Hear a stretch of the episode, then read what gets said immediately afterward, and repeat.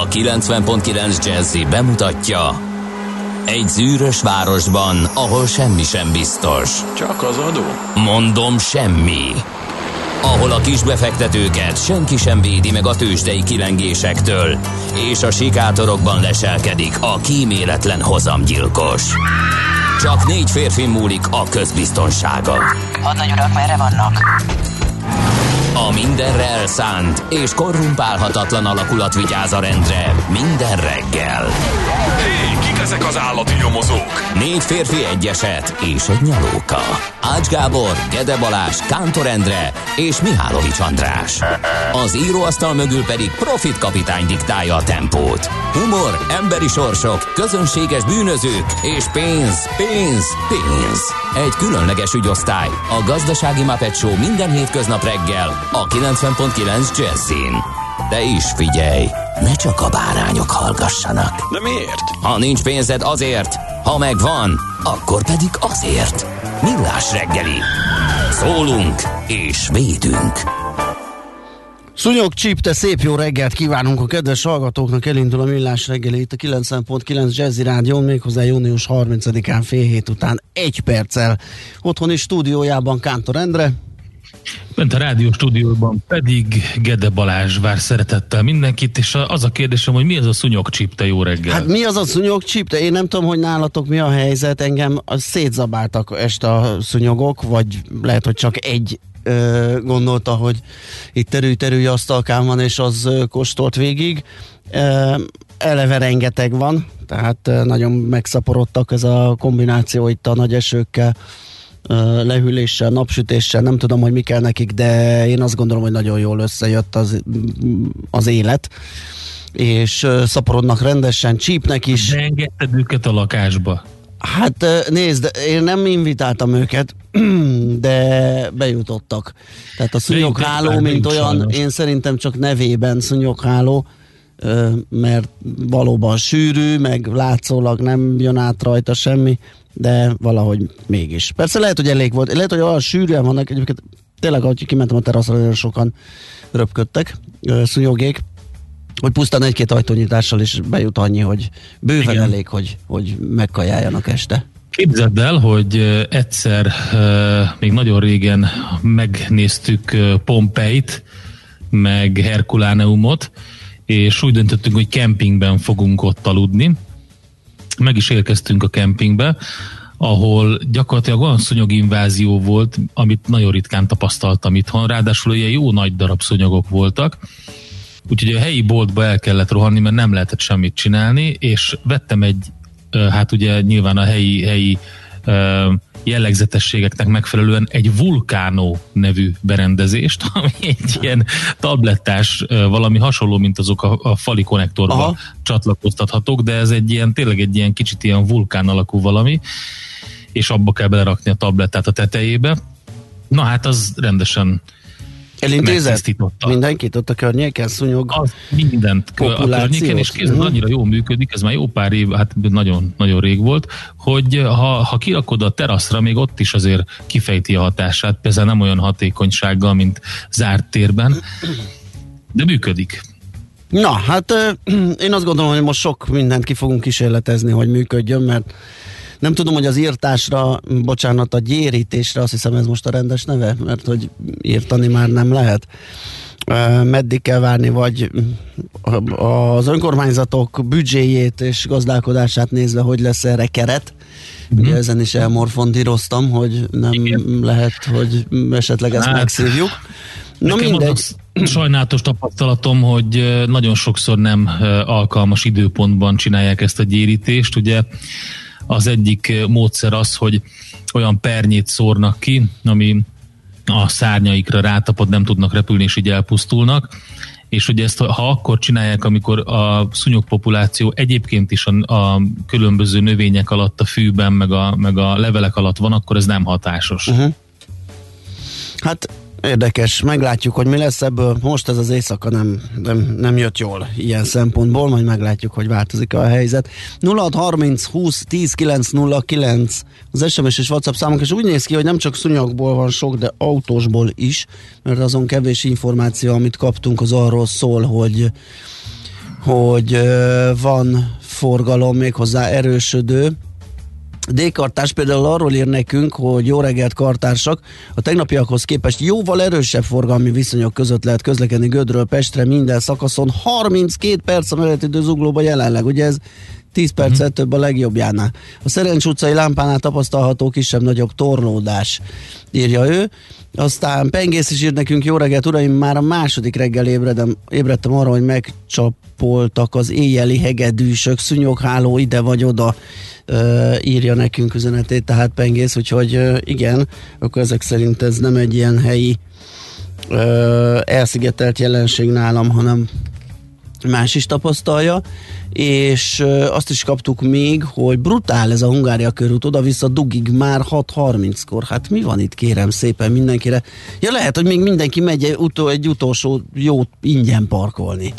Ja, az lehet, igen. Ugye, mert a, holnaptól, holnaptól jön a... Nekem az jutott eszembe, hogy egy kicsit így a meleg idő miatt meghúzták a hétvégét egy páran, és igazából masszálingóznak vissza. Én már tegnap azt vettem észre, amikor autóztam befele nagyon korán reggel, hogy az M7-es bevezető szakasz is már nagyon tele van, illetve végig az alkotás, úgyhogy simán el tudom képzelni, hogy ma többen vannak. Ráadásul nagyon sok sávelzárás van, nagyon sok felújítás van, tehát arra nagyon egyirányosítás a Szentendrei úton, tehát azért az, az mindenképpen segíteni fog. Uh-huh. Jó, 0 30 20 10 909 SMS, WhatsApp és Viber szám, ez ide várunk. Na bejelentkezett a Schmidt-Tandi is. Azt Tényleg? mondja, Good Morning Sunshine, ezből azt a, a következtetést vontam le, hogy ő mondja a híreket Hú, de a jó. reggel, úgyhogy Oké, okay. várjuk majd szeretettel, de még nem nincs itt az ideje. De legalább tudjuk, hogy majd kire számíthatunk, ugye hétkor, meg fél nyolckor, nyolckor, stb., amikor a híreknek helye van. Megköszöntjük a pálokat, az ő nevük napja van ma. Egészen szűk a névnapos lista, én nem is tudom, hogy van-e még egy ilyen nap az évben, amikor csak 2, 4, 6, 7 nevet találunk itt. Pálok, apostolok, besék, emiliánák, márciusok, pávelek és pósák. Szegény márciusok. Hát szegény márciusok. Én akkor megkérdezik, hogy és mikor van a névnapod? Júniusban. Igen, de hát azt mondta március. De hát azt mondta március. Igen, de az a nevem. Ah, hát igen, de köszöntünk mindenkit természetesen a mai napon. Azt mondja, hogy nézzünk egy-két születésnapost, akire de érdekes események is vannak. Hát Na milyen esemény? Kezdjünk eseményekkel? Igen, fizikai és földrajzi és mindenféle nagyon fontos esemény. Az egyik az Albert Einstein publikálta a mozgó testek elektrodinamikájáról című dolgozatát, amelyben bevezette a speciális relativitás elméletet, ez 1905-ben volt. De ennél fontosabb és rengeteg összeesküvés elméletre ö, a, okot adó esemény történt 1908-ban, ez volt a híres Tunguszkai esemény, amikor ugye a szibériai köves Tunguszka folyó mentén egy meteor robbant fel, és körülbelül Heves megye nagyságú területen teljesen letarolta az erdőt. Uh-huh. Igen, ö, láttam róla a képeket, és tényleg, tényleg nagyon ö, durva pusztítást végzett. Nem tudom, hogy hogy áll a tudomány ezzel, és hogy, és mi, hogy, hogy, hogy, hogy áll? Hát, hogy, hogy, hogy mi derült itt ki, vagy milyen tapasztalatok. Én úgy tudom, hogy egy csomó ilyen homályos feltételezés is napvilágot hát ezt látott. Mondom, hogy ilyen különböző összeesküvés. Ja, igen, összeesküvés Igen, igen, igen, igen, igen. Voltak, de alapvetően ezt jól körbejárták, hogy milyen magyarázat volt, vagy üstökös, vagy kőmeteorit, vagy jégaszteroida, de aztán tessen, vannak extrém magyarázatok, ugye, amik arról számolnak be, hogy ez valószínűleg antianyag volt, aztán, vagy földön kívüliek nyilvánvalóan, és a Tesla féle fegyverre is és többen gyanakodtak, uh-huh. hogy, hogy ez egy ilyen mindennél pusztítóbb fegyver létrehozásán fáradozott életének utolsó éveiben Tesla, és hogy, hogy ezt valósították meg. Uh-huh. Hát izgalmas. 1934-ben a hosszú kések éjszakája. Június 30... Tessék? Ajajajaj. Igen, mondom. a június 30-ára viradó éjszaka, amikor Hitler leszámol a náci párton belül belüli ellenzékével, és feloszlatja az S-át. Aztán rá két évre megjelenik Margaret Mitchell regénye, az Elfújta a szél, mm-hmm. amit hát szerintem nagyon sokan olvastak, vagy legalább látták a megfilmesített verzióján. és 1950 bocsánat, csak elgurult, 59-ben Az indul a Szabó család, az első adás a Kossuth Rádió népszerű sorozata, ami hát nem is tudom, 30 ö, egy nehány évet élt meg talán, hát, igen, 48, 2007, május 48 21 volt évet, bocsánat, igen. Ö, nagyon Hát én szerintem mindenki hallott belőle részeket, vagy legalábbis a mi korosztályunk. Nem, nem, az, az több, az, az 40 48, év. igen, igen, kijavítottam közben, hogy 48 az a 30 valamennyi. Uh-huh. Úgyhogy egy óriási, óriási uh, széria, nem is emlékszem rádiós, rádiójátékra, ami ilyen hosszú időt megélt volna. És hogyha már a megszűnését is említettük a Szabó családnak, akkor egy, még egy érdekes esemény, ugye az IVIV megszűnésének a napja is ez, vagyis június 30-a. Igaz, hogy az Origo már korábban május 15-én bejelentette 2014-ben, hogy a szolgáltatás majd megszünteti 12 év után, de az abszolút bezárása a boltnak az 2014. június 30-a volt, és azért mondtam, hogy az Origo, az Origo ZRT működtette, ugye, aki akkor még a Magyar Telekom nyertének volt a tulajdona, ő vette meg, vagy ők vették meg 2006-ban talán, majd mindjárt megkeresem pontosan, a, igen, 2006-ban vették meg startupként a, a, a rendszert üzemeltető cégtől, és működtették gyakorlatilag 8 éven keresztül. Hoppá, Hát ez nekem szól szerintem, ez Hát a zene, ez biztos nekem. Hú, de jól eldomáltuk itt az időt. Hát akkor figyelj, ö, tulajdonképpen elmondtam az évről mindent, 2006-ban indult, 2014-ben becsukták, Ö, óriási siker volt ugye a Facebook elődjeként ö, lehet apostrofálni. Először ért el egy milliós látogatószámot itthoni weboldal, talán egy lánc ö, levél is itt jelent meg először, egyébként pont akkor aznap robbant egy rekord látogatottsággal vagy letöltési számmal, amikor elterjedt egy olyan levél, hogy ha azt nem adott tovább, akkor kidobnak az ivivről. Úgyhogy lehet, hogy ennek is a meleg ágya volt az iviv, nem tudom, hogy előtte terjedte hasonló, lehet, hogy e-mailben igen. Na, hát akkor, akkor viszont még talán egy-két születésnapost gyorsan elmondunk. 35 éves ma Michael Phelps, minden idők legeredményesebb olimpik, olimpikonja.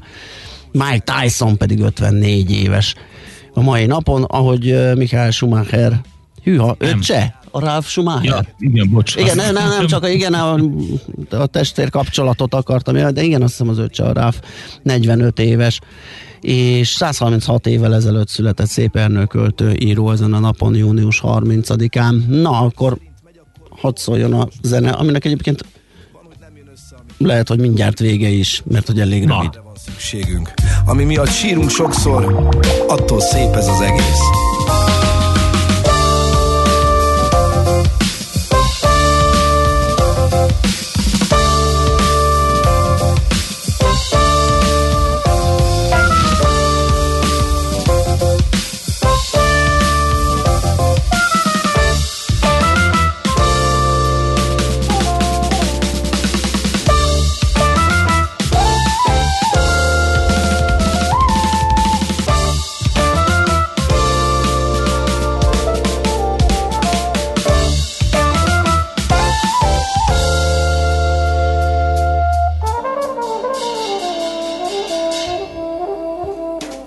Hát mondom, ez rövid is volt, el is dumáltuk a felét, úgyhogy volt. ugye ez elsőre ez kezdésnek kérlek szépen, hát ezt abszolút neked. Hát Figyelj, kihagytunk valakit, és mielőtt belemegyünk itt a lapszemlébe, azt azért el szeretném Ki mondani, hogy az? ez... Biztos, hogy sok mindenkit kihagytunk.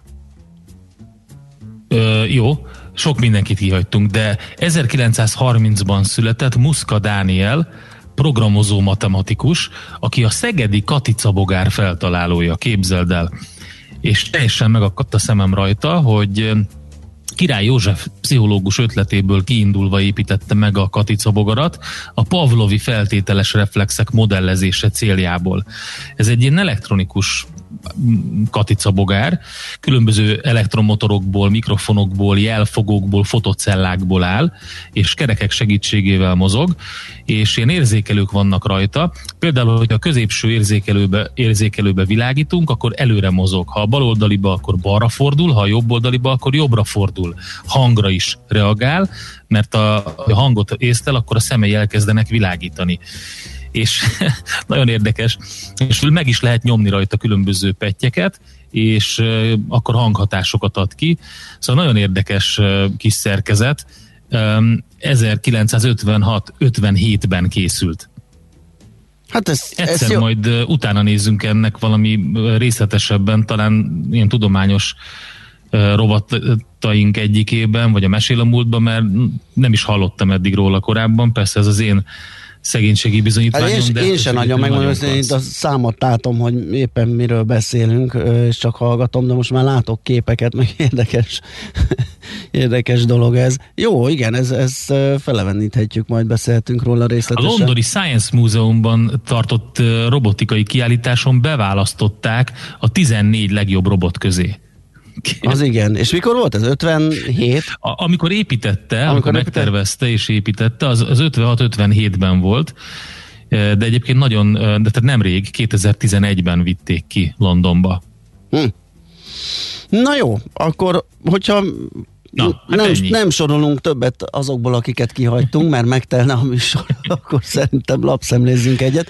Kérlek szépen a világgazdaságot nézegetem, illetve hát csak annak az online ö, kiadását, ahol ízelítőt kapunk ugye a mai printből, és ott lehet olvasni arról, hogy előzetesen akár 15-20%-os forrásvesztéstől lehetett tartani a 2021-27-es uniós ciklusban. Ezzel szemben Magyarországnak reális esélye van arra, hogy a helyreállítási alapból is részesülve a mostani 7 éves időszak szakénál nagyobb támogatáshoz jusson a folytatásban.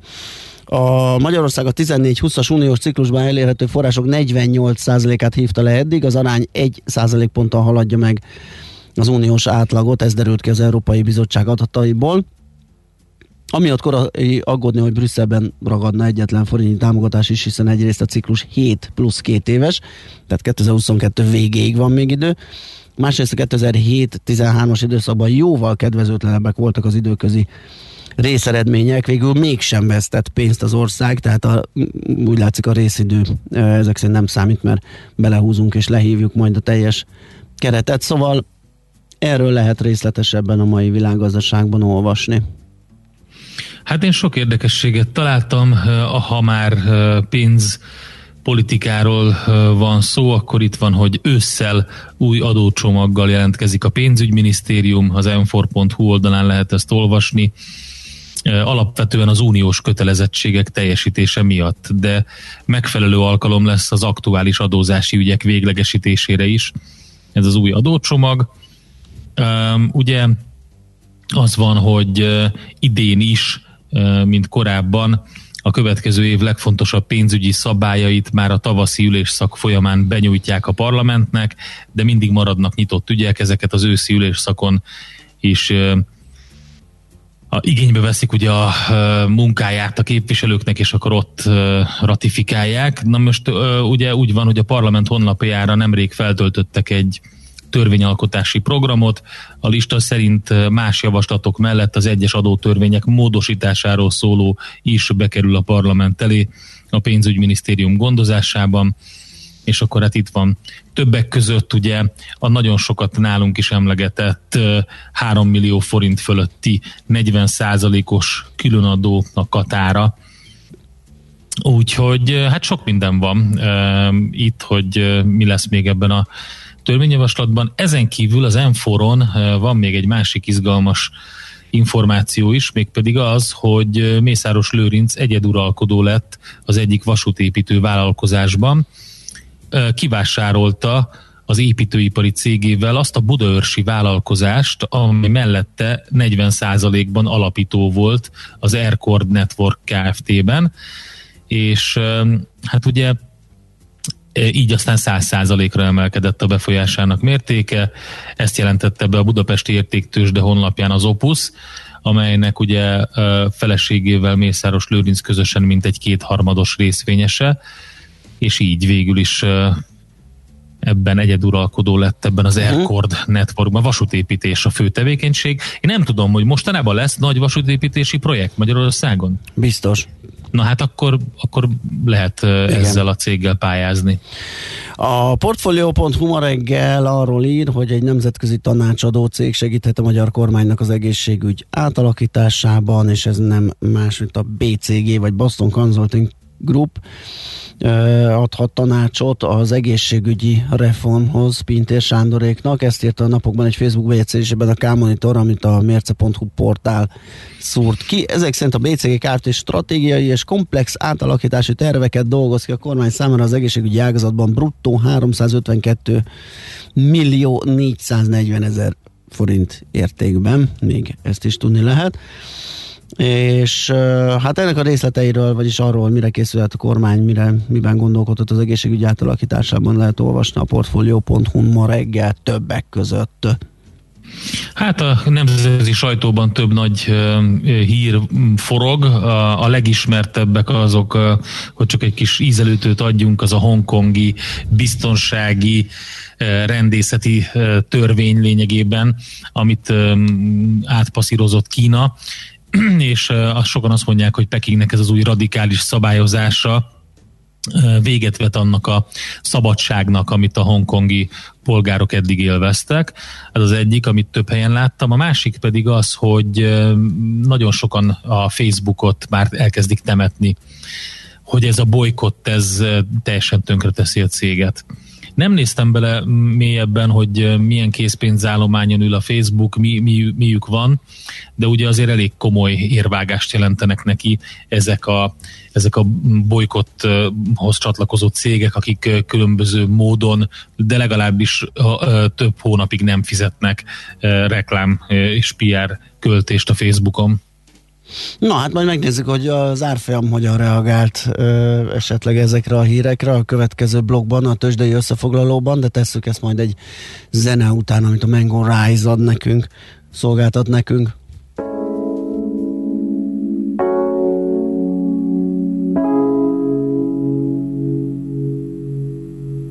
Szavaid ülnek a tudatomon, a tekintetedben kutakodom. Mond látsz vagy csak nézel, szívvel élsz, vagy inkább észre? Vigyázz rád a kényszer, majd megszabja, meddig érzel Mond látsz vagy csak nézel, szívvel élsz, vagy inkább észre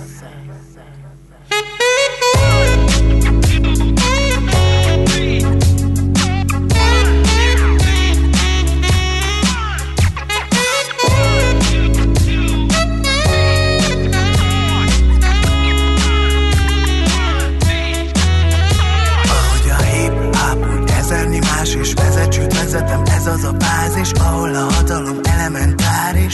Maradok informális. A sorsom lett az álmom. Ha keresem, megtalálom.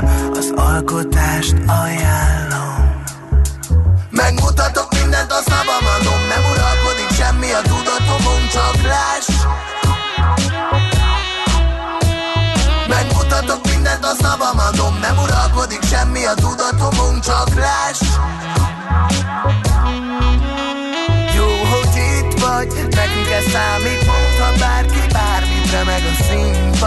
Mosolyok fognak össze, mondd, ha indulok, te jössz -e? Nekünk ez számít, homcsot bárkit, bármit remeg a színpad ah. Lehet ez kispart, valami mégis itt tart Lehet a szívem a színpad. Szívvel élsz, vagy inkább észre Csak rajta múlik, mit érsz el, ez csak egy színpad Szavaid ülnek a tudatomon, a tekintetedben kutakodom, mond látsz vagy csak nézel, szívvel élsz, vagy inkább észre. Vigyázz rád a készen, majd megszabja, meddig érsz el, mond látsz vagy csak nézel, szívvel élsz, vagy inkább észre. Megmutatok mindent a szavam nem uralkodik semmi a tudatomon, csak láss Neked a szavam adom, nem uralkodik semmi a tudatomon, csak láss Jó, hogy itt vagy, nekünk ez számít Mondd, ha bárki bármitre meg a színpad Mosolyok fognak össze, mondta ha indulok, ne jössz -e. Nekünk ez számít, hon csak bárki bármitre meg a színpad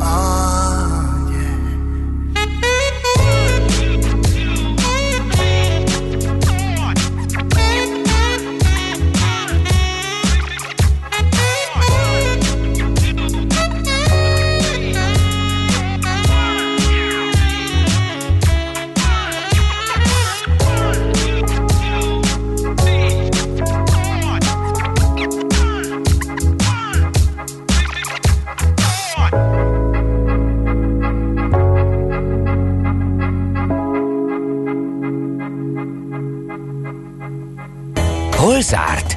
Hol nyit? Mi a sztori? Mit mutat a csárt? Piacok, árfolyamok, forgalom a világ vezető parketjein és Budapesten. Tősdei helyzetkép következik.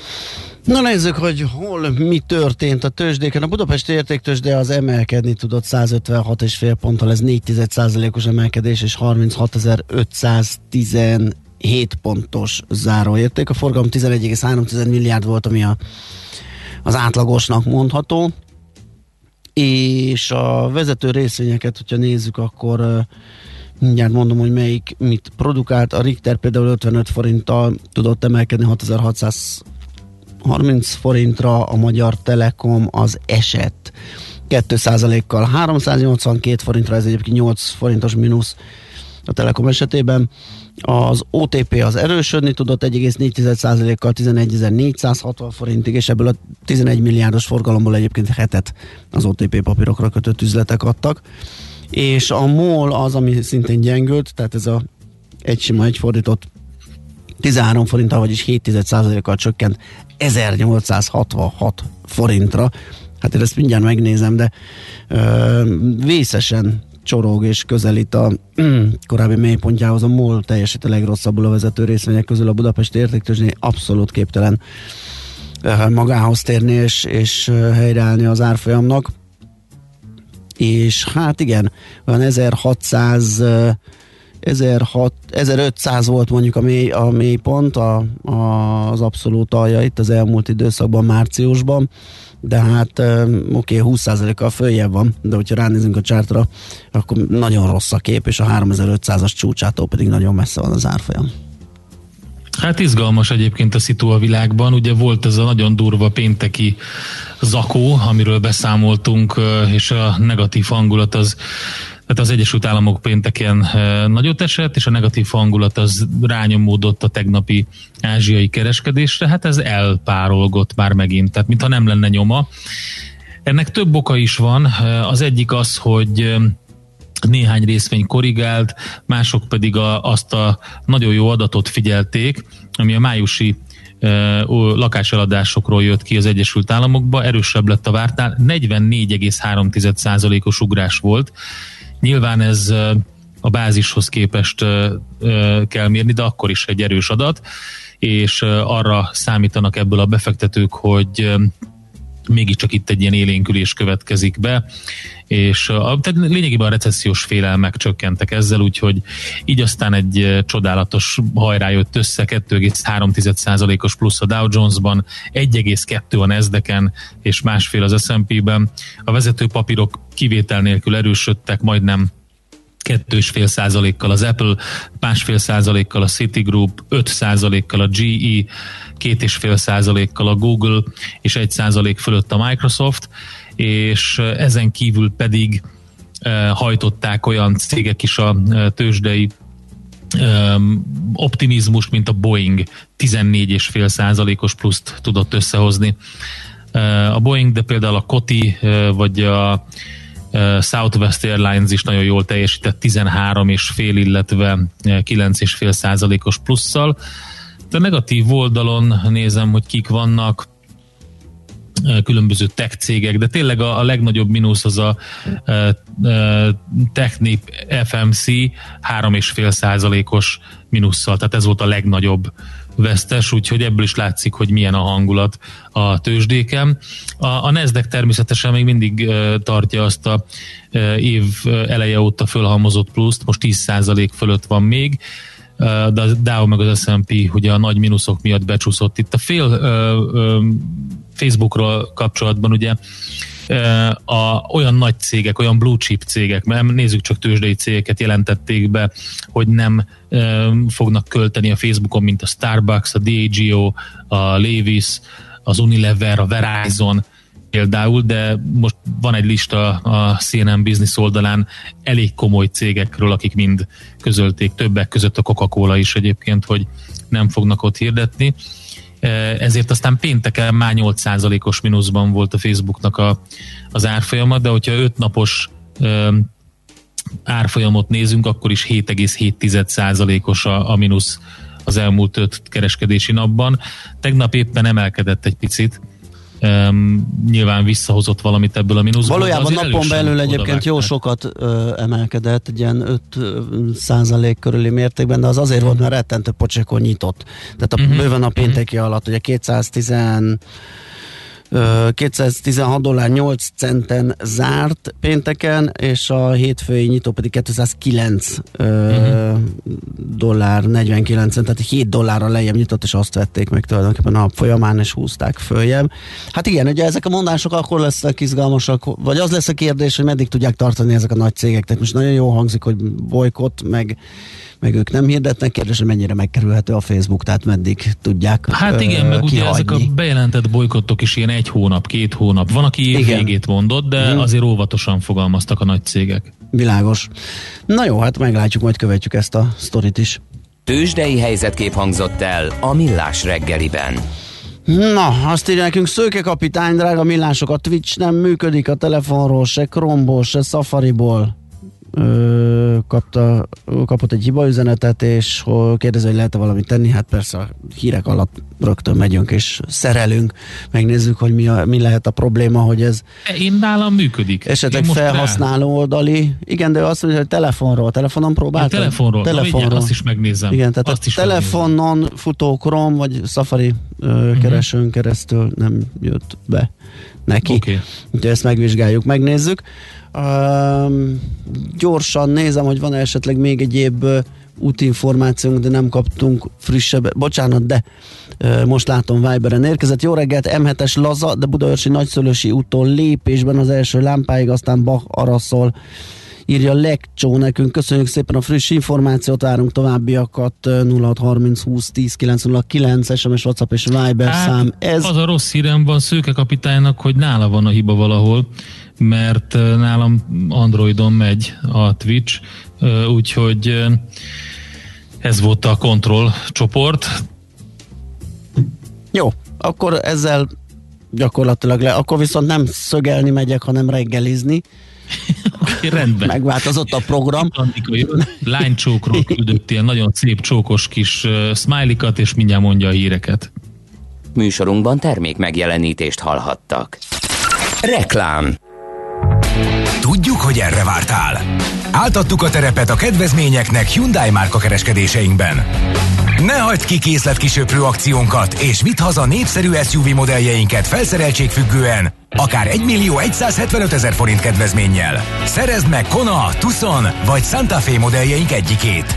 További részletekért látogass el Hyundai márka kereskedéseinkbe, vagy a www.hyundai.hu oldalra.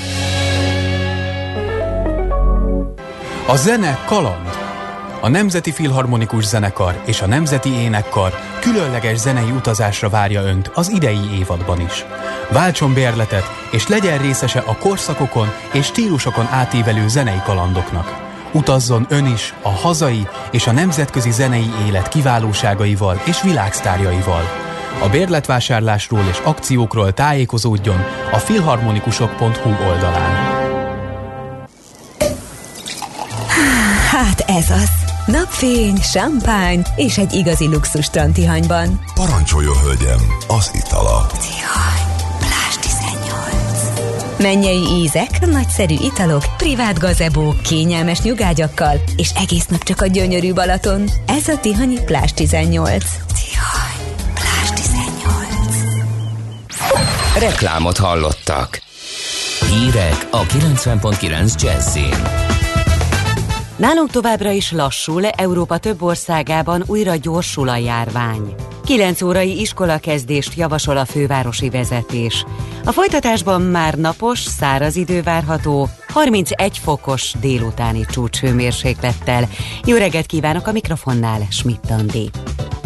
Egy héttel előre meg lehet jósolni a koronavírus járvány esetleges második hullámát.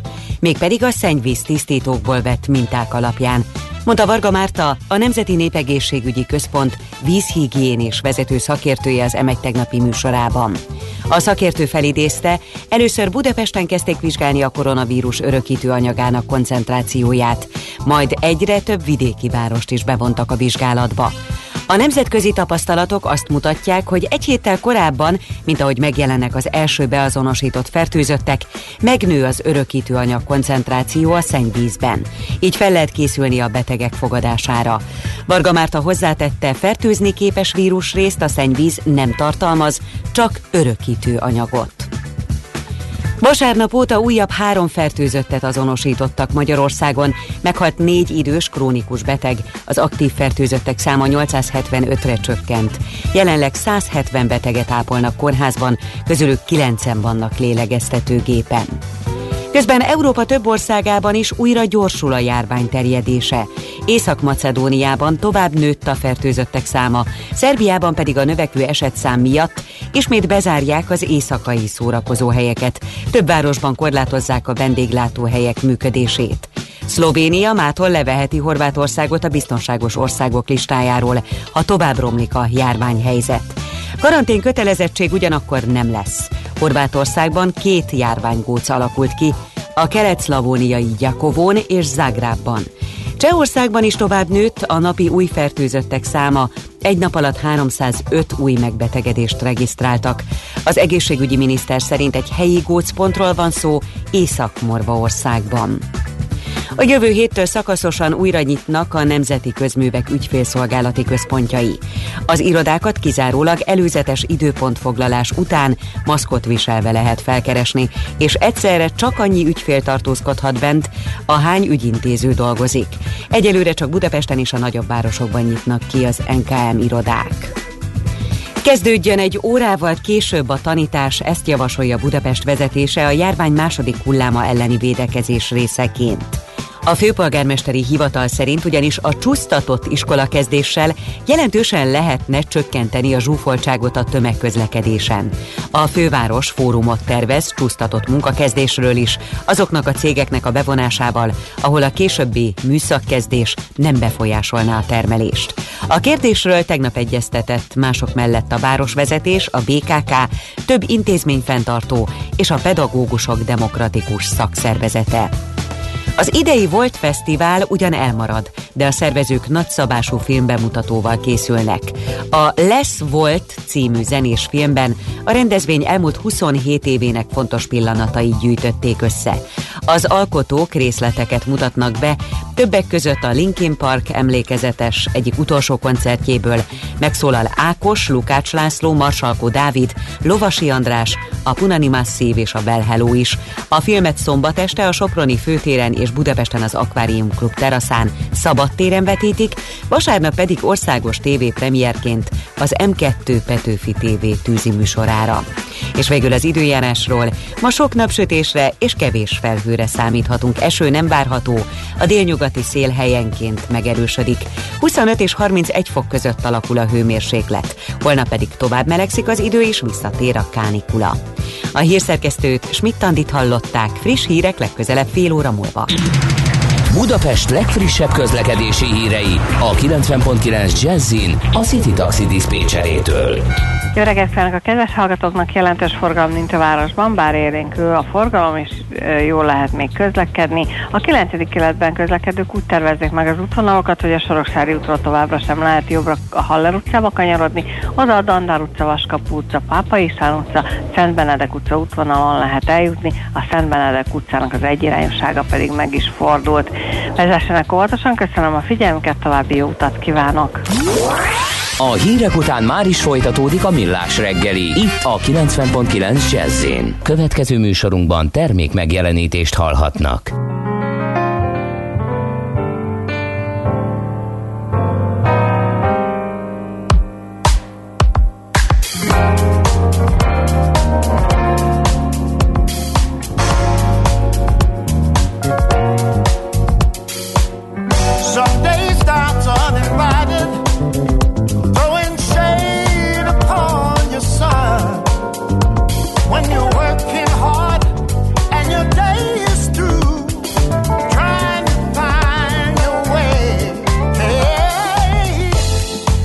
watching day.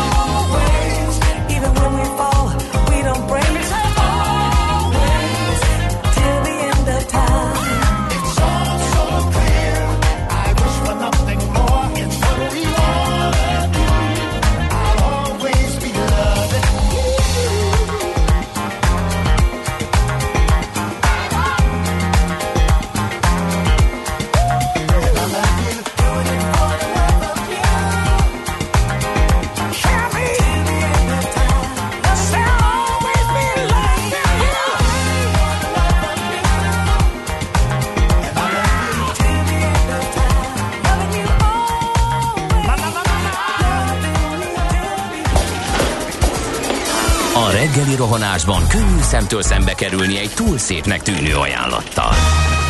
Az eredmény krétával körberajzolt tetemes összeg.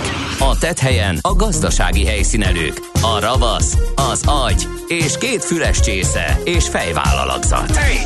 A lehetetlen küldetés megfejteni a Fibonacci kódot. A jutalom egy bögre rossz kávé és egy olyan hozamgörbe, amilyet még Alonso Mózli sem látott. Millás reggeli, a 90.9 Jazzy Rádió gazdasági mapetsója. Vigyázat! Van rá engedélyünk! Jó reggelt kívánunk, kedves hallgatók! Ez a Millás reggel itt a 90.9 Jazzy Rádion. Június utolsó napján, 30-án reggel 418 előtt. Kettő perccel jelentkezünk otthoni stúdiójából Kántor Endre. A rádióból pedig Gede Balázs. És 0630 20 10 909-es SMS, WhatsApp és Viber számunkon pedig a hallgatók üzennek, és hát képzeld el, mindenkinek igaza van, Szőke kapitány éppen belefutott egy olyan tesztelésben be, amikor nem volt elérhető a Twitch, viszont uh-huh. az egy pillanatműve volt, tehát amikor te nézted már rendre, akkor uh, már működött és helyreállt a dolog, ez a kezdéskor, induláskor történt valamikor. Uh, aztán Attila írja, hogy Tihanyban telefonon Safari működik, igen, ez lehet az oka, hogy amit mondok, hogy, hogy beszéltem itt a műszakis kollégával, és ez csak egy pillanatnyi ö, teszt volt, amikor ez leállt ez a dolog. Aztán ö, kérdezi egy hallgató, hogy a Wirecard körülbelül 150%-os visszapattanását meg sem említjük. Kérem, az 1.50-ről a 3.20-ra, vagy nem tudom, hol zárt tegnap, hát de éppenséggel Hát meg megemlíthető. nagyon sokat beszéltünk a Wirecardról, ugye nagyon érdekes történet, úgyhogy meg, meg fogjuk, fogunk is, tehát folyamatosan az elemző srácok rajta vannak, és állandó téma nálunk. Még egy darabig, mert hogy a felsózás felé megy a cég, úgyhogy. Igen. igazán sok történetet már nem fog szolgáltatni, esetleg a hátterét annak, hogy mi hogyan keveredett ebbe a Hogyan ö, lehetett helyzetbe. eltitkolni egy ekkora... Igen, két milliárd eurónyi hiányt, 1,9 Igen. milliárdot, amit ilyen fiktíven lett föltöltve a cég. Tehát kétségtelen, hogy így cégtörténetileg egy izgalmas sztori. Nyilván azok a befektetők, akik mondjuk még két hónappal ezelőtt 140 eurón vettek, és most nézegetik a hármat, azok kicsit többnek tartják, mint izgalmas. Úgyhogy ez még majd terítéken lesz nálunk valóban. Azt írja egy hallgató, hogy egy órával később kezdődő oktatás, és a gyerekek este hatig legyenek bent a suliba, ez biztosan olyan emberek találták ki, akiknek nincs gyerekük, a szülők meg kezdjék a munkát 10 órakor, nagy ötlet, ha suli van, mindegy, mikor kezdődik, úgyis tömegnyomor lesz az utakon és a tömegközlekedési járműveken egész nap. Hát, hát van egy pár olyan európai ország, ahol 9 órakor kezdődik az oktatás. Igen, tehát ez nem, nem egy ördögtől való mm, dolog, hát ö, nyilván nem mindenhol, tehát lehet, hogy csak tudom én, felső tagozatba vagy középiskolába kéne bevezetni, ahol egyedül járhat a gyerekiskola. Hát fene tudja, hogy jó ezt kivitelezni, nyilván ez még egyelőre az ötlet és a kidolgozás előtti szinten van, de hát mondjuk őszig nincs sok idő, úgyhogy lassan ki kell deríteni a részleteket. Na nézzünk egy-két útinfót. Budapest legfrissebb közlekedési hírei, itt a 90.9 jazz Hát mivel frisset nem kaptunk a hallgatóktól, az Utinformhoz fordultam, ahol azt látom, hogy a reggeli forgalomban lassabb a haladás a főváros felé az M3-os autópálya bevezető szakaszán, és az M1-es autópályán a Budapest felé vezető oldalon Tatabánya térségében, valamint a 10-es főúton Solymárnál, illetve a 11-es főúton Szentendre térségében. Az m 0 autó déli szektorán torlódik a forgalom, Dunaharaszt és Halásztelek között az M1-es autópálya irányába 25-30 perces ö, időveszteséggel kell ö, számolnia az arra autózóknak. Budapest, Budapest, te csodás!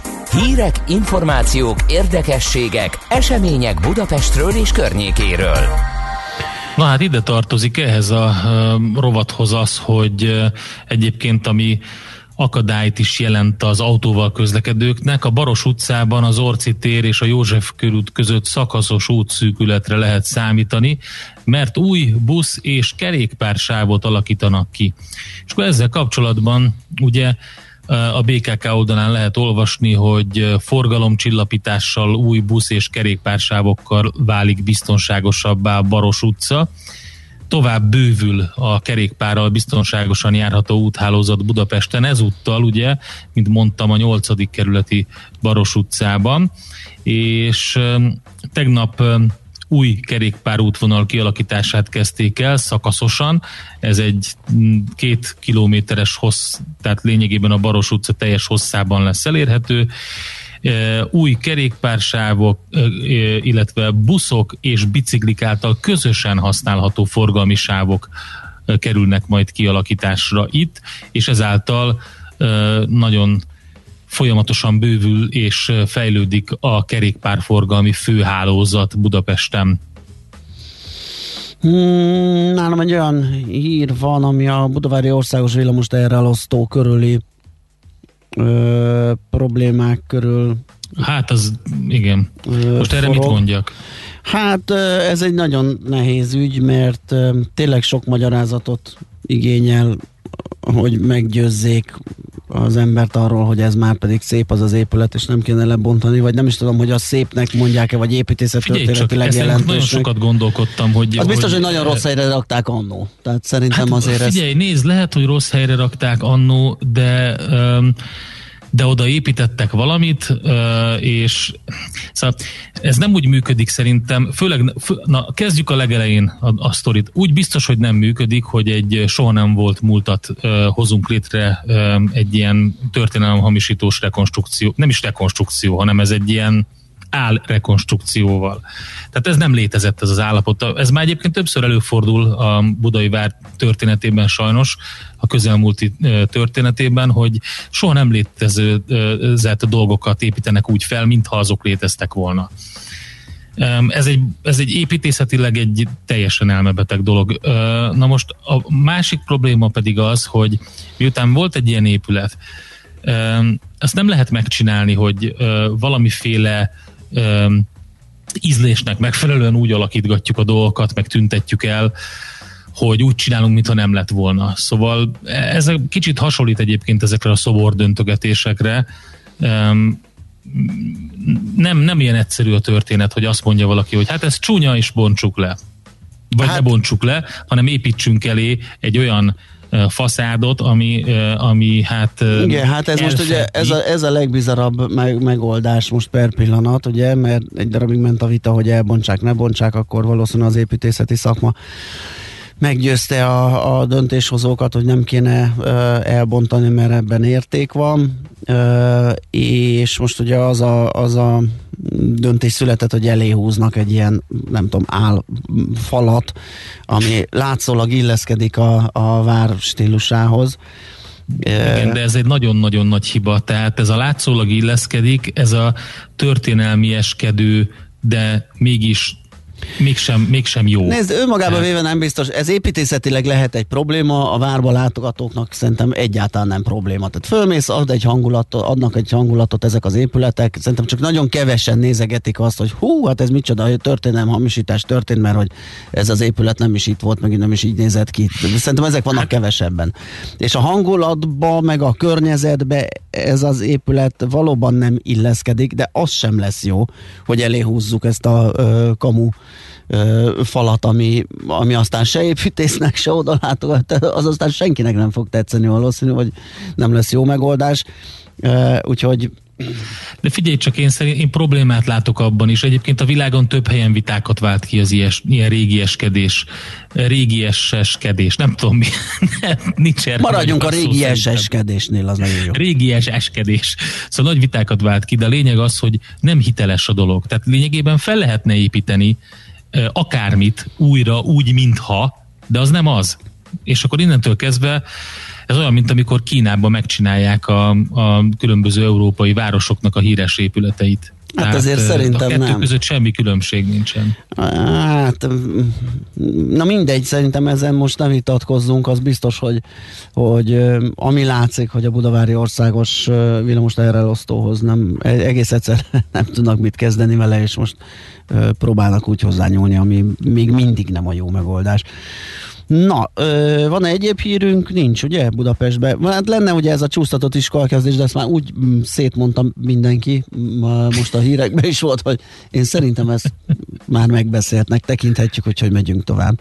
Nekünk a Gellért hegy a Himalája. A Millás reggeli fővárossal és környékével foglalkozó robata hangzott el.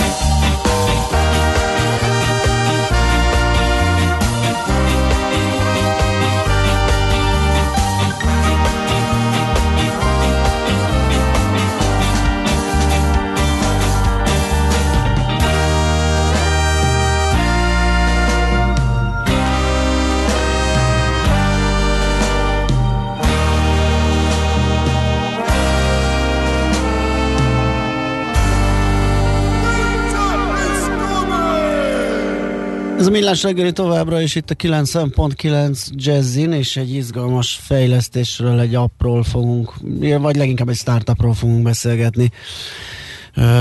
Mert hogy egy nagyon-nagyon komoly díjat nyert az Apple-től, méghozzá elsőként, magyar fejlesztő cégként, vagy, vagy startup vállalatként. Családi... Sőt, Európában se sokan vannak. Európában sem sokan vannak, igen. Úgyhogy majd mindjárt azt, hogy mit csinálnak, meg mi az a díj, az Csanád Istvánnal, a hát Shaper 3D alapítója, jól mondom? Szia, jó reggelt! Jó, jó, igen, hello. Na, csak mert szerkesztő úr is ahány helyen megjelent, annyiféle módon írta le a neveteket, úgyhogy a, végül is a sajtóközleményből kellett kipuskázni. Na, mit csináltok ti egész pontosan? És utána térjünk rá erre az Apple Design Awards-ra, hogy ezt, ez, ezt hogy lehet megszerezni itt egy ilyen díjat, amit ahogy említettük Endrével, ugye nagyon kevesen hoztak el még csak Európából. Uh-huh. Um, hát mi egy 3D kedrendszert fejlesztünk, ami egy uh, általános célú 3D modellező, elsősorban uh, formatervezőknek és, és mérnököknek, és ami, ami izgalmasá teszi ezt a terméket, hogy, uh, és, és megkülönbözteti a hagyományos kedrendszerektől, az az, hogy ez egy, ez egy iPad Pro-n fut, és nagyon erősen alapozunk a, a a multitouch és a, a, a stylus használatára, tehát a több érintő gesztusoknak és, a, és az érintő ceruzának a használatára, aminek az eredménye az, hogy egy olyan modellezési élményt tudtunk uh, létrehozni, ami, ami gyakorlatilag minden szempontból sokkal jobb, mint egy hagyományos uh, billentyűzetre és egyére épülő modellezési élmény. Uh, sokkal gyorsabb, sokkal intuitívabb, tényleg rettenetesen gyorsan és könnyen megtanulható, de közben pedig funkcionalitás szempontjából gyakorlatilag ugyanazt hagyja egy iPad-en, mint egy uh, hagyományos uh, desktop számítógép. Ez egy elég nagy lépés volt szakítani ezzel a, ezzel a klaviatúrával, meg, a, meg az egérrel. Tehát a tervezésben azért eléggé komoly billentyű kombinációk Az ember az, vannak, igen, és azt gondolhatná, hogy mozgások. Az ember azt gondolhatná, eddig. hogy esetleg a, a, a, a, igen, a finom mozgások rovására mehet ez a nagy kényelem. Hát ez igazából ugye ez, ez, a, ez maga az innováció, amit, amit csináltunk, ez az izgalom a, a termékben szerintem, hogy uh, um, hogy gyakorlatilag pont, hogy ezt a végtelen mennyiségű billentyű kombinációt és, és egyéb varázslatot és dupla szaltót, amit meg kell csinálni ahhoz, hogy elérje a funkciókat, ezt gyakorlatilag gesztusokkal helyettesítettük, és egy olyan, olyan felhasználói felülettel, ami a, a kezed alá rakja azt, amire éppen szükséged van, és, uh, és ez, ez igazából ez volt a, ez, a, ez, a, ez a varázslat a Shaperben, azt gondolom, hogy, hogy ezt, um, ahogy ezt összeraktuk, ezt az interakciós uh, réteget, ami, ami tényleg gyakorlatilag ez egy, úgy lehet elképzelni, kicsit nehéz persze így ezt elmondani, hogy, hogy, hogy mire kell gondolni, de gyakorlatilag úgy lehet elképzelni, hogy nagyon hasonló az élmény ahhoz, mint hogyha rajzolnál papíron, de am, amit rajzolsz, az egy, az egy legyártható, uh, pontos uh, 3D modell lé varázsolódik gyakorlatilag, és, és emiatt aztán tényleg látunk, még, látunk gyerekeket is, tényleg 6-8 éves gyerekeket tűztek megtanulni használni a terméket, ami mondjuk egy, hát egy desktop kedrendszernél mondjuk, mondjuk nem, nem túl életszerű, hogy ez megtörténne. Hát ez brutál. Ö, beszéljünk akkor egy kicsit a díjról, az Apple Design Awards-ról. Ugye sokan olimpiai aranyhoz hasonlítják, amit elhoztatok, csak mondjuk ott nincs 4,5 millió induló. Mert, mert hogy itt körülbelül ennyi, ennyi alkalmazás. Nem is tudom, hogy látják át, hogy látja át a zsűri ezt a rengeteg cuccot, amit át kell nézniük. Mit kell tudni erről a ö, megmérettetésről, és hogy jutottatok be oda? Hát ez az Apple Design Award, ez, ez am, amit tegnap, a, tegnap a, nekünk ítélt az Apple, vagy hát tegnap már publikussá, hogy idén megkapjuk ezt az Apple Design Awardot. Ez, a, ez tényleg a legexkluzívabb elismerés, amit a, az Apple App Store-ban kaphat az ember. Um, ezt minden évben a, a, az Apple-nek a felhasználói felületekkel és felhasználói élménnyel foglalkozó uh, evangelista csapata uh, kézzel kiválaszt 5-10 olyan alkalmazást, amiről azt gondolják, hogy ezek tényleg valami forradalmit alkottak, elsősorban a, a interakciók, felhasználói felület és felhasználói élmény szempontjából, és, és hát ezt, ezt kaptuk meg. Valóban a több millió alkalmazás van az App Store-ban, és, és hát most idén ez a, a, az idei nyolc kiválasztott közül mi, mi lettünk az egyik. Az, hogy hogy jutsz el ide, hát az, az igazság, hogy na, ez igazából én alapjában, megmondom őszintén, én nem nem nagyon, nem nagyon izgatnak föl díjak és elismerések úgy általában. Ez, ez azért, azért vagyok erre nagyon büszke, meg azért büszke rá az egész cég, mert ez, ez egy olyan elismerés, ami tényleg a világ legjobbjaitól jön, tehát azt gondolom, hogy az, Apple- az felhasználó élménytervezés lehet azt mondani, hogy tényleg ez a, a Michael phelps a, a, a felhasználó élménytervezésnek, és ők mondják ránk, hogy amit csináltunk, az kiemelkedő és szuper, az, az azt gondolom, hogy ez egy eh, ez tényleg valami, amire az ember fölkaphatja a fejét, és, és, és joggal lehet büszke. Um, és hát hogy, hogy jutsz el ide? Nincs varázslat, tehát ez, ez a legklasszabb az egész, hogy itt tényleg ezt ugye nem tudod megvenni pénzért, nem, nem tudod magad befizetni rá idézőjelbe, hanem ez egy, tényleg ez a, ez a csapat, ők teljesen maguktól eldöntik, hogy ki az, akiről azt gondolják, és legyen, lehet ez egy nagyon nagy cég, lehetnek eh, tényleg olyan, olyan, olyan termékek is, amik egy-két fejlesztő fejleszt, de, de ez, ez egy nagyon szigorú kiválasztási folyamatnak a, az eredménye. Tehát nincs felhívás, nincs pályázás, ti ott vagytok, azt egyszer csak arra ébredtek, hogy tiétek a Nincs, díj. nincs, igen, igen, Ez pont, nagy- ez pont pontosan. ez nagyon durva. Egyszer csak. Na, ugye? Na jó, Nagyon hát ez komoly. kellett valamit alkotni is. Oké, okay, uh, jelenleg iPad-en fut, ugye? És uh, többi felhasználó mikor, uh, aki, aki nem iPad-et használ, mikor juthat hozzá, vagy láthatja, vagy Igen. használhatja? Hát, hát most ugye egy, egy iPad kell hozzá, egy olyan iPad, ami, ami Apple pencil is működik, um, és uh, hát év végén most uh, nagyon, nagyon nagy tempóban azon dolgozunk, hogy egy Mac-es verziót is uh, kiadjunk a, a termékből, és reméljük, hogy aztán egy kicsit később a Windows felhasználóknak is el, elérhetővé tudjuk tenni a, a, a terméket. Ez nem, ezt nem tudjuk pontosan, ez való- valószínűleg a következő 12-18 hónapban mindenképpen szeretnénk, hogy, eh, hogy Windows-on is elérhető legyen. Azt kérdezi egy hallgató, itthonról dolgoztok? Itt van a bázis? Uh, igen, igen, ez egy, ez egy teljesen uh, budapesti cég, egy nemzetközi csapattal um, a, a kollégáinknak a 25-30%-a talán, hát nem tudom, nehéz, nehéz most már. Hányan vagytok? De, hát 60, 60-an vagyunk, uh-huh. most 61-en vagyunk, de, de úgy vagyunk 61-en, hogy most fél évvel ezelőtt voltunk uh, 30 vagy 40, 40 körülbelül, tehát elég gyorsan növünk, és évvégére egy 80 leszünk, és a kollégáinknak a 30 százaléka körülbelül az külföldi 20-30 százaléka, tehát egy ilyen nagyon nemzetközi csapatunk van itt Budapesten. Uh-huh. Uh, ugye nem, nem, nem csak a termétek, de a befektetőitek is uh, igen uh, illusztris társaságból érkeztek, ugye közt olyan cégekbe szálltak ők be, mint a Spotify, a Revolut vagy a Delivery Hero, aki például itthon a netpincérnek a tulajdonosa. Velük milyen a kapcsolat, és, és hogy álltok itt tőke, meg, meg finanszírozás kérdésével? Igen, igen, sőt, ráadásul nem csak, hogy, ha nem csak, hogy olyan cégbe szálltak be, hanem ők konkrétan az a legelső befektetője volt például az egyik befektetőnk a Spotify-nak, és, és igazgató tanácsságában volt tag három éven keresztül. Um, igen, szóval ez egy ilyen abszolút egy ilyen elit alakulatnak számító befektetői csapat, aki, aki minket, uh, aki a, a cégbe beszállt uh, tavaly. Um, hát milyen a kapcsolat? Jó, én az alapjában nagyon jó. Um, Tudtok profitálni az ő kapcsolati hálójukból? Vagy ez most csak így jól hangzik, hogy, hogy beraktak 6 millió dollárt, és akkor ti is ott vagytok a többiek. Igen, az, nyilván ugye az igazság az, hogy a céget a végén neked kell felépíteni, nem? Persze. Tehát, tehát hogy, az, hogy, hogy nem, ők nem fogják megcsinálni neked a céget, amiben szerintem úgy általában segíteni tudnak, nem meglepő módon az a cégnek a finanszírozása, és Világos. ez, ez, azért nem egy, nem egy elhanyagolható fegyvertény.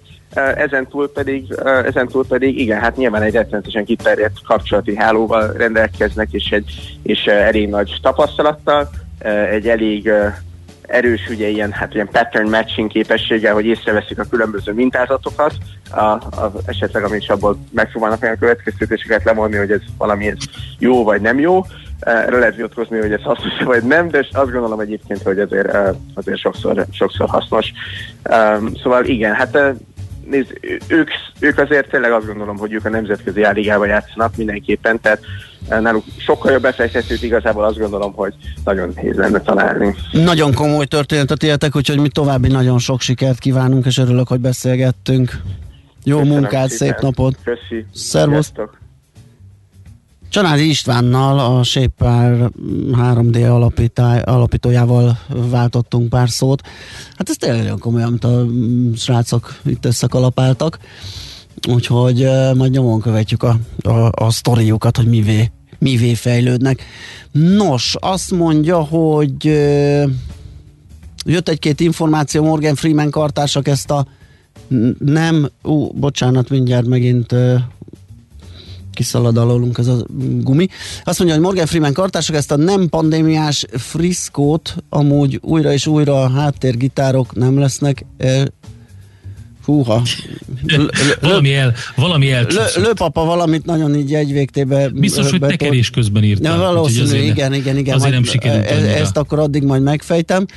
Van egy műszaki hibás jármű a Könyves Kálmán körúton, a Kőbányai út után az Árpád híd felé, eh, az aluljáróban, a külső sávban, úgyhogy arra tessék vigyázni, ez elég balesetveszélyes. Na, Smittani hírei jönnek, aztán pedig a rövidek, aztán pedig visszajövünk és folytatjuk a millás reggelit itt a 90.9 Jazzin. Műsorunkban termék megjelenítést hallhattak. Releváns tartalmat és inspiráló gondolatokat fogyasztanál a reggeli kávéthoz. Érdekes információkat hallgatnál Budapestről a stílusos zenék között. Szívesen csemegéznél az egyedülálló zenei repertoárban. A hazafelé vezető útra is válogatott tartalmakat vinnél magaddal. Ha legalább háromszor feleltél igennel, akkor mi vagyunk a te rádiód. 90.9 Jazzy, ha többre vágysz. Rövid hírek a 90.9 Jazzin. Csak koronavírus gyanú esetén kell tesztelniük a beteget az orvosoknak, mondta az országos tisztifőorvosa a köztévében.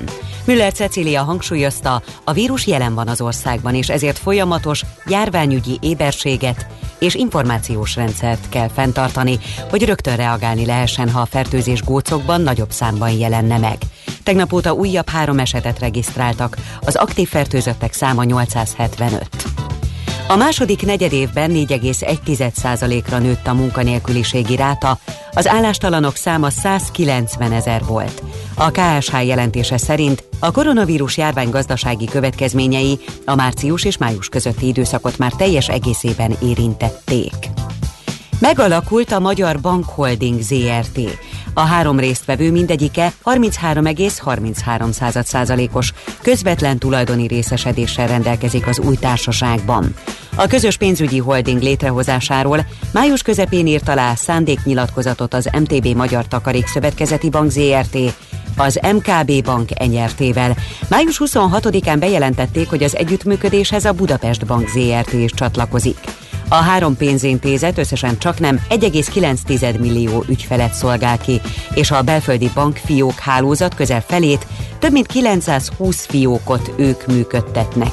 Ezzel az ország második legnagyobb bankja jöhet létre. A héten 13 megyében és Budapest több kerületében is folytatódik a szúnyogírtás.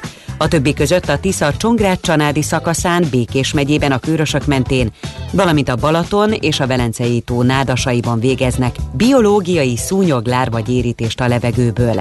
Az elmúlt hetek csapadékos időjárása, illetve a Tiszán levonuló kisebb árhullám kedvezett a szúnyogok szaporodásának. Újra szénmonoxid mérgezés veszélyre figyelmeztetnek a szakemberek. A nagy melegben ugyanis csökken a kémények szellőzése, hívja fel a figyelmet a katasztrófavédelem. Több háztartásban is egész évben gázüzemű, fali vízmelegítővel, kazánnal állítják elő a melegvizet, így nyáron is valós veszély a szénmonoxid mérgezés. Sok napsütésre és kevés felhőre számíthatunk ma, esni nem fog.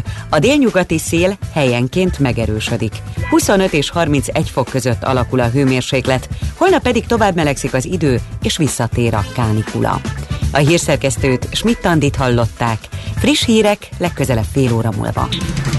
Budapest legfrissebb közlekedési hírei, itt a 90.9 jazz A fővárosban jelentősen megváltozott a forgalmi rend a Soroksári úton a vágányépítés miatt. A kifelé vezető oldalt lezárták a Dandár utcától a Tóth Kálmán utcáig, a forgalmat a Leknedődön fasorba terelték, amit ezen a szakaszon kifelé egyirányosítottak. Az áttereléseknél fokozott óvatossággal vezessenek. A 2-es és a 24-es villamos helyett a Haller utca Soroksári út és a Közvágóhíd között a Soroksári úti autóbuszokkal lehet utazni. Tart a Kvassai híd felújítása, ezért a Kvassai hídon hétköznaponként délelőtt befelé kettő, kifelé egy sávban haladhat a forgalom, míg délutánonként fordítva Csepel felé kettő, befelé pedig egy sávban lehet közlekedni. Buszsávot alakítottak ki a Weiss-Manfred út Kvassai Jenő út útvonalon, jelenleg torlódásra készüljenek a Weiss-Manfred úton a Kvassai Jenő út felé. A H7-es év a Kvassai híd déli oldalán kialakított ideglenes végállomás és Csepel között közlekedik, a Boráros tér és a Közvágó híd között pedig pótlóbusz jár. Javában tart a nagykörúti villamosok pályafelújítása Budán az Irinyi József utcában a Karinti Frigyes út és a Petőfi híd között mindkét irányban sávlezárásra és sávelhúzásra kell készülni. A 4-es és a 6-os villamos helyett pótlóbusz jár a Petőfi híd Budai hídfő és a Dél-Budai végállomások között. Az Üllői úton a Vágóhíd utcánál mindkét irányban sávlezárásra és sávelhúzásra kell készülni az M3-as metró felújításához kapcsolódó munka miatt. Mától az Üllői úton befelé a Nagyvárad térnél szintén sávlezárás és sávelhúzás nehezíti a közlekedést,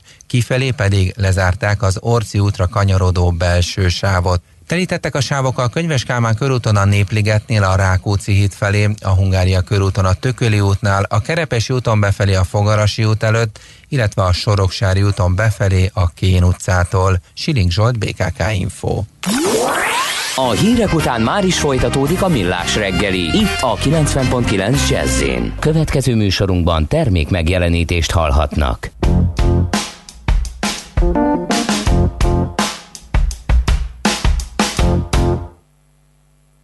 Van egy nap májusban, mikor a nők egy része A tükörbe meredve azt veszi észre, hogy a feneke Valahogy a múlt nyár óta Megnőtt vagy csak az az idióta. Mosodás moszta a szoknyáját túlon túl forró vízben és ezért ezen túl vigyázni kell, hogy kinek adja be. Mosni a ruháit, de persze a nagyja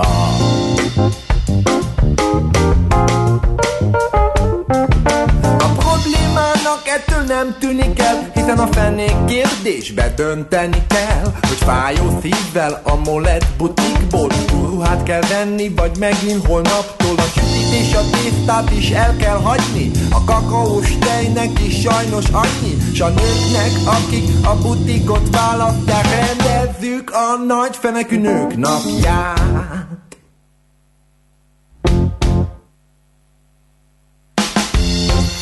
Música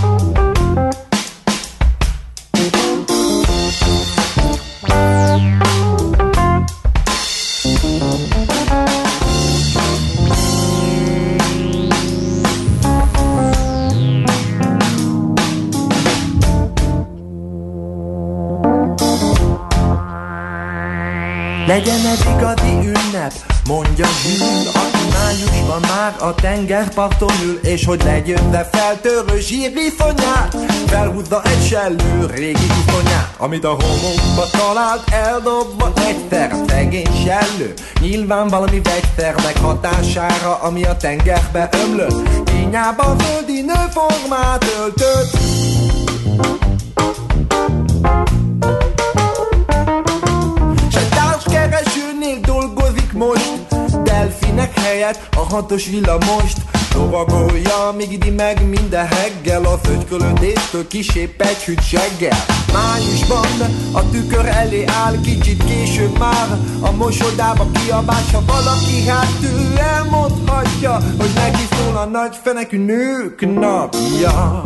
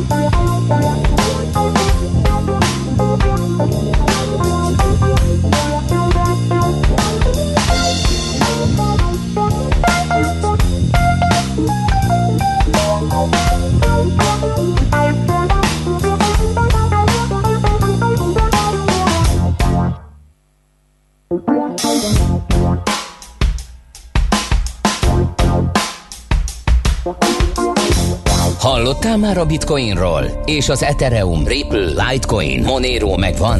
Hallgass a kriptopénzek világáról és a blockchain technológia híreiről szóló rovatunkat. Kriptopédia, hogy értsd is, mi hajtja az új devizát. Na kérem, itt vagyunk, és pillanatokon belül megnézzük, hogy először is, először is a bitcoin piacával fogunk foglalkozni. Raskó László az online kriptobroker MrCoin.eu stratégiai menedzsere segítségével. Szia, jó reggelt! Sziasztok, jó reggelt kívánok mindenkinek! Na, ö, a piacot először. Igen.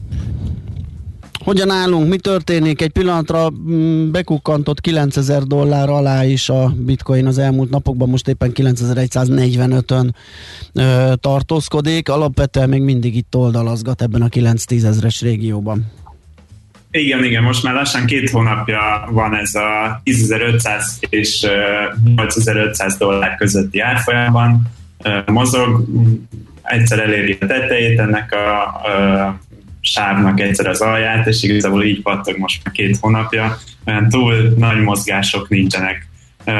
És a kereskedési volumen sem túlságosan kimagasló, szóval nem tudom, hogyha innen sikerül majd ki, kiindulni a valamelyik irányban, az biztos egy nagyobb volumennel fog kitörni, vagy lefelé, vagy felfelé. Igen, ugye múltkor próbáltam feszegetni azt a kérdést, hogy tudunk-e, várunk-e olyan információt, ami kilökheti innen. Ugye a felezés az nem hozta meg azt a fajta rallit, ami a korábbi időkben a bitcoin piacát jellemezte, és hát ugye abban maradtunk, hogy egyelőre programozottan vagy időzítve olyan infót nem várunk, ami ki tudná lökni ebből a sávból, úgyhogy türelmesen kell várni a befektetőnek, hogy valami történjen. Hát igen, előre a híreket nehéz, nehéz várni, meg kitalálni. Annyi érdekesség van talán, hogy a korreláció az S&P 500 és a Bitcoin között az most egész szignifikáns lett. Az utóbbi időben volt, hogy 0,5-ös volt ez a, az R négyzet, ami már jelentős, most ilyen 0,3 körüli, ami nem annyira jelentős, de azért azt jelenti, hogyha az S&P 500 az növekszik, akkor kicsit valószínű, hogy a bitcoin is növekedni fog, és fordítva. Most néha, néha az S&P 500-hoz, néha az aranyhoz nézzük, ugye, ami gyakorlatilag nem feltétlenül mozog párhuzamosan, mert néha ilyen menekülő funkciót próbálunk keresni a bitcoinban, néha egy olyan eszközt, mint a részvény, amit megvesznek, hogyha éppen jó hangulat, vagy eladnak, hogyha rosszabb. Ez kicsit nehézé teszi ugye így az értékelését, hogy mit gondoljunk pontosan róla, mint befektetési instrumentum. Hát igen, ez egy új eszközosztály, és még uh, nem egyértelmű teljesen, hogy, hogy uh, mivel érdemes összehasonlítani, de hát uh, az arany is néha együtt mozog a többi piaccal, néha meg teljesen ellentétesen, szóval ez másról is elmondható. Világos. Mindez viszont nem befolyásolja az intézményi befektetőket, vagy nem abban, hogy, hogy tartsanak a portfóliójukban kriptoeszközt. Ugye a Fidelity-nek, vagy Fidelity-nek volt egy felmérés az elmúlt időszakban, ami szerint igen magas ez az arány.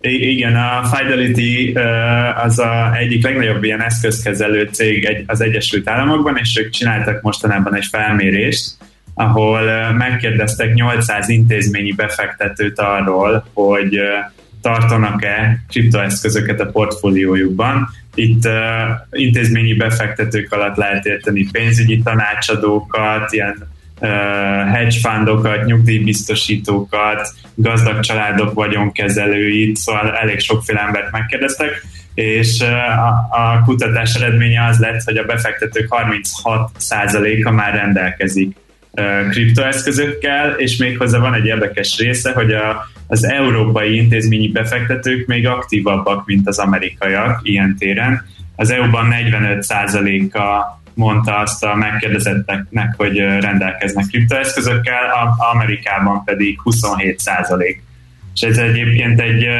nagyjából olyan 10%-os növekedés a tavalyi évhez képest. Azt még jó lenne majd látni, hogy milyen a portfólióból mekkora arányt tesz ki, de minden esetre az biztos, hogy az elfogadottságát, meg, a, meg az egész eszköznek a, a bevetségét már mutatja ez a szám. Igen, általában ezek valószínűleg a portfóliónak csak egy ilyen 1-2-3-4 százalékos részesedése, viszont ez a, a, a Fidelity-nek is az elnöke Tom Jessop is kijelentette, hogy ezek az eredmények alátámasztják azt a piaci trendet, amit magunk is tapasztalnak, hogy nevezetesen, hogy egyre nagyobb a digitális eszközök iránti érdeklődés és egyre tekintenek rájuk befektetésre alkalmas eszközosztályként.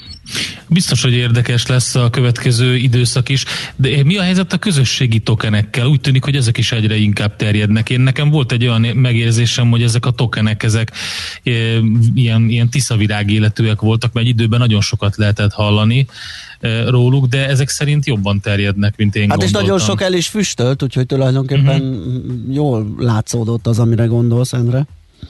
Igen, igen, nagyon sok elfüstölt, de ugye folyamatosan vannak újabb és újabb próbálkozások. Most az egyik el, elterjedő próbálkozás, ez a közösségi token, vagy közösségi pénz, ahol lényegében emberek, bármilyen, nem tudom, akár influencer, művész, bárki, akár én is ki, kiadhatnék egy tokent, amit aztán én szabom meg, hogy mire lehet használni, és itt, itt tényleg végtelen a, a, a lehetőségek tárháza.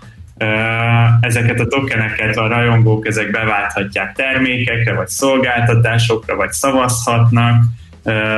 Például, mondok pár példát, amiket, amik, amik ezt használják. Lehet például szavazni egy festőnél, hogy mit fessen legközelebb, és ha megfestette, lehet is licitálni erre a képre. Ugye ezeknek a tokeneknek van egy folyamatos kereskedése és így értéke is a másodlagos piacon. Influencereket rá lehet venni dolgokra, például csináljon egy videót arról, hogy eltáncol a kedvenc számodra egy koreográfiát, vagy lehet mindenféle hülyeséget is, hogy bevállaljon, nem tudom, egy pucérfutást a parkban.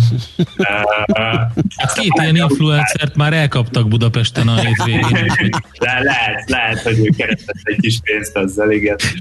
Oké, okay, szóval, hogy, hogy lényegében, és, és az influencereknek ez miért éri meg? Tehát, hogy miért nem jobb nekik, hogyha egyszerűen mikrofinanszíroztatják magukat a Twitch-en? Hát ők egy, egyrészt így jobban el tudják érni a, a saját közösségüket, mert ez nagyon egyszerűen lehet ezeket uh, transferálni, ezeket a tokeneket, lehet szavazásokra használni, tehát így, így kicsit mondjuk, hogyha Taylor, ott van Taylor Swift, és azt mondja, hogy valahogy szeretne megjutalmazni a leg, legnagyobb rajongóit, akkor az furcsa lenne, hogyha adna nekik, nem tudom, 30 dollár készpénzt, de hogyha ad nekik 30 dollár értékű, nem tudom, Taylor Swift tokent, akkor ez már mindjárt más, amit aztán később ezek használhatják arra, hogy legközelebb hol lépjen föl mondjuk egy ilyen szavazásnál. Uh-huh. És ö, ők cserébe meg egy, ugye az influencerek, meg az előadók egy ilyen gazdaságot építhetnek fel a személyük köré, és ők döntik el, hogy mit, hogyan használjanak. Például van egy ausztrál srác, aki kiszervezi a döntéseit, és a kibocsátott tokenekkel lehet szavazni arra, hogy mit sportoljon, mit dolgozzon, a jövőbeli fizetésének egy részét is így felajánlotta a, a token tulajdonosok között, és legutóbb ö, 5000 dollárnyi tokennel szavaztak arra, hogy hát most futnia kell ö, 5 kilométert minden hónapban. Hm, komoly. Na hát örömmel olvastam, hogy Ausztrál, az Ausztrál postahivatal, mondjuk még ott nem tartanak, mint a magyar, ahol ugye mesekönyvet, energiaitalt és életbiztosítást is lehet egy helyben venni, de kripto pénzeket, kriptoeszközöket már lehet vásárolni az Ausztrál postahivatalokban. Igen, a, a, most már az összes Ausztrál postahivatalban, ez több mint 3500 darab van. Ausztráliában ott uh, lehet nagyon egyszerűen készpénzért vagy bankkártyával uh, bitcoint venni, uh, meg ethereumot is, és uh, hát ez is jól mutatja, hogy azért uh, terjed terjed ez a lehetőség mindenfelé a világban. Ausztráliában már ugye két héttel ezelőtt beszéltük talán, hogy a Coca-Cola automatáknál is lehet már fizetni bitcoinnal, most pedig már be lehet sétálni a postára és venni egy kis bitcoint. Kérdés, a hát bitcoin... Ezt tudom képzelni a magyar postán, hogy néz neki. Akkor bemegy a Pista bácsi, és elmondja, hogy kérek egy kaparós sorsjegyet, befizetném a csekkeket, küldöm ezt a levelet az unokámnak Londonba, aki kint dolgozik, meg három blockchain-t kérek szépen. igen, igen, kíváncsi vagyok. hogy Magyarországon lesz-e ilyen. De egyébként én az Ausztrálra is, mert nekem nem tűnik túl életszerű. Tehát a, nem tudom, a bitcoin és az Ethereum vevő közönsége mennyiben egy postán képzeli el azt, hogy feltöltekezik kriptopénzekkel. Figyelj, szerintem én pont ezen a híren gondolkodtam, amit Aha. Elküldtél, Laci, hogy, hogy mi az, ami kiváltotta az ausztrál postákból ezt, a, ezt az egészet. Tehát nyilván volt egy kereslet. ott verték a pultot az emberek, és követelték, hogy legyen. a fiatalok, és mondták, hogy lehet, hogy ez jó lenne. Nem lehet, igaz, hogy, egy nem igaz, hogy itt nincsen bitcoin, hát na. Egyébként, egyébként nagyon sok nyugdíjas is szokott bitcoint vásárolni, tehát ez egyáltalán nem biztos, hogy a fiatalok kezdeményezték. Sok, sokan szeretnék, hogyha nem online utalással kéne valamit megcsinálni, mert hogy attól félnek, hanem így most akkor bemehetnek egy fizikai lényegében postára, amit már jól ismernek, és akkor ott már szívesebben költik el a pénzüket, nagyobb biztonságban érzik magukat. Na jó, hát köszönjük szépen ezt a kis hírcsokrot, jó munkát kívánunk, és szép napot mára neked. Köszönöm, viszont kívánok! Szervusz, szia! Hello. Raskó Lászlóval, az online kriptobroker MrCoin.eu stratégiai menedzserével váltottunk pár szót. Kriptopédia, a millás reggeli új devizarobata hangzott el. Hírek és érdekességek a kriptopénzek és blockchain világából. Ö, hát kicsit kiborult egy kedves hallgató, elment az ESZE, aki a Baros utcába bicikli utat csinál, éppen csak elférnek az autók, eszement ötlentek tartom autós társaim többségével egyetértésben a belvárosba beengedni a bicikliseket. Azért, mert Igen. két kis országba ezt teszik, nekünk nem kéne mögéjük így van. állni. Én Hollandia, mondom, Dánia eleve- nagyságrendekkel, kisebb ország, mint mi, ott megtehetik. Alig van forgalom. Én azt mondom, hogy eleve a kocsikba motort szerelni, az egy eszement és elmebeteg ötlet volt. Hát maguktól mennek ezek a járművek, nincsen ott a ló, De az hogy hagyján, de mennyi benzin cipel maga mögött? Mi lesz, ha fölrobban? Mi lesz a fe? Így van. Teljesen eszement ötlet. teljesen. Közben megnéztem, hogy ö, az Ausztrál adóhatóságnak a felmérése szerint, vagy számai adatai szerint ö, körülbelül 500 ezerre és 1 millió, 500 ezer és 1 millió állampolgár közé tehető az, akiknek vannak különböző kripto megtakarításai, vagy, vagy uh-huh. tulajdonolnak valamiféle kriptopénzt, és a bitcoin egy ausztrál tagszervezete, a, a bitcoin.com.au kötötte meg ezt a megállapodást a postával, az ausztrál postával, ö, abban a reményben, hogyha már ennyi mindenkinek van ilyenje, hogy ezt még növelni tudják ezt a számot. Tehát ez erről szól ez az egész. Uh, hajnal azt írja nekünk, ő a 8. kerületbe jár dolgozni, jó lesz a biciklisáv. Van, aki örül, Persze, van, aki nem örül. lesz. Uh, aztán megint itt egy nem örülős, nagy ötlet a Baros utcára, mert legalább majd a busz nem tud menni, így majd az autók se. Hát, Figyeljetek, ez nagyon egyszerű lesz. Tehát, hogyha szeretnénk azt, hogy élhető városban éljünk, akkor meg kell változtatni ezeket a dolgokat. Tehát, eh, aki autóban csücsül, és ahhoz szokott hozzá, az ugyanúgy meg kell, hogy változtassa a szokásait, mint aki minden nap húst teszik. Ez egy ilyen egyszerű dolog. annak tűnő, igen. Aha, változni, változik a világ, és nekünk is al- alkalmazkodni kell, mert különben, ha nem alkalmazkodunk, akkor kihalunk. Egy biztos pont van itt az életünkben, a Schmidt Andi. Ő jön fél óránként és mondja a híreket, ebben nincs változás, legalábbis a mai millás reggeli alatt. Úgyhogy ő következik, utána pedig jövünk vissza, folytatjuk a millás reggelit itt a 90.9 Jazzin, rögtön tehát a hírek után.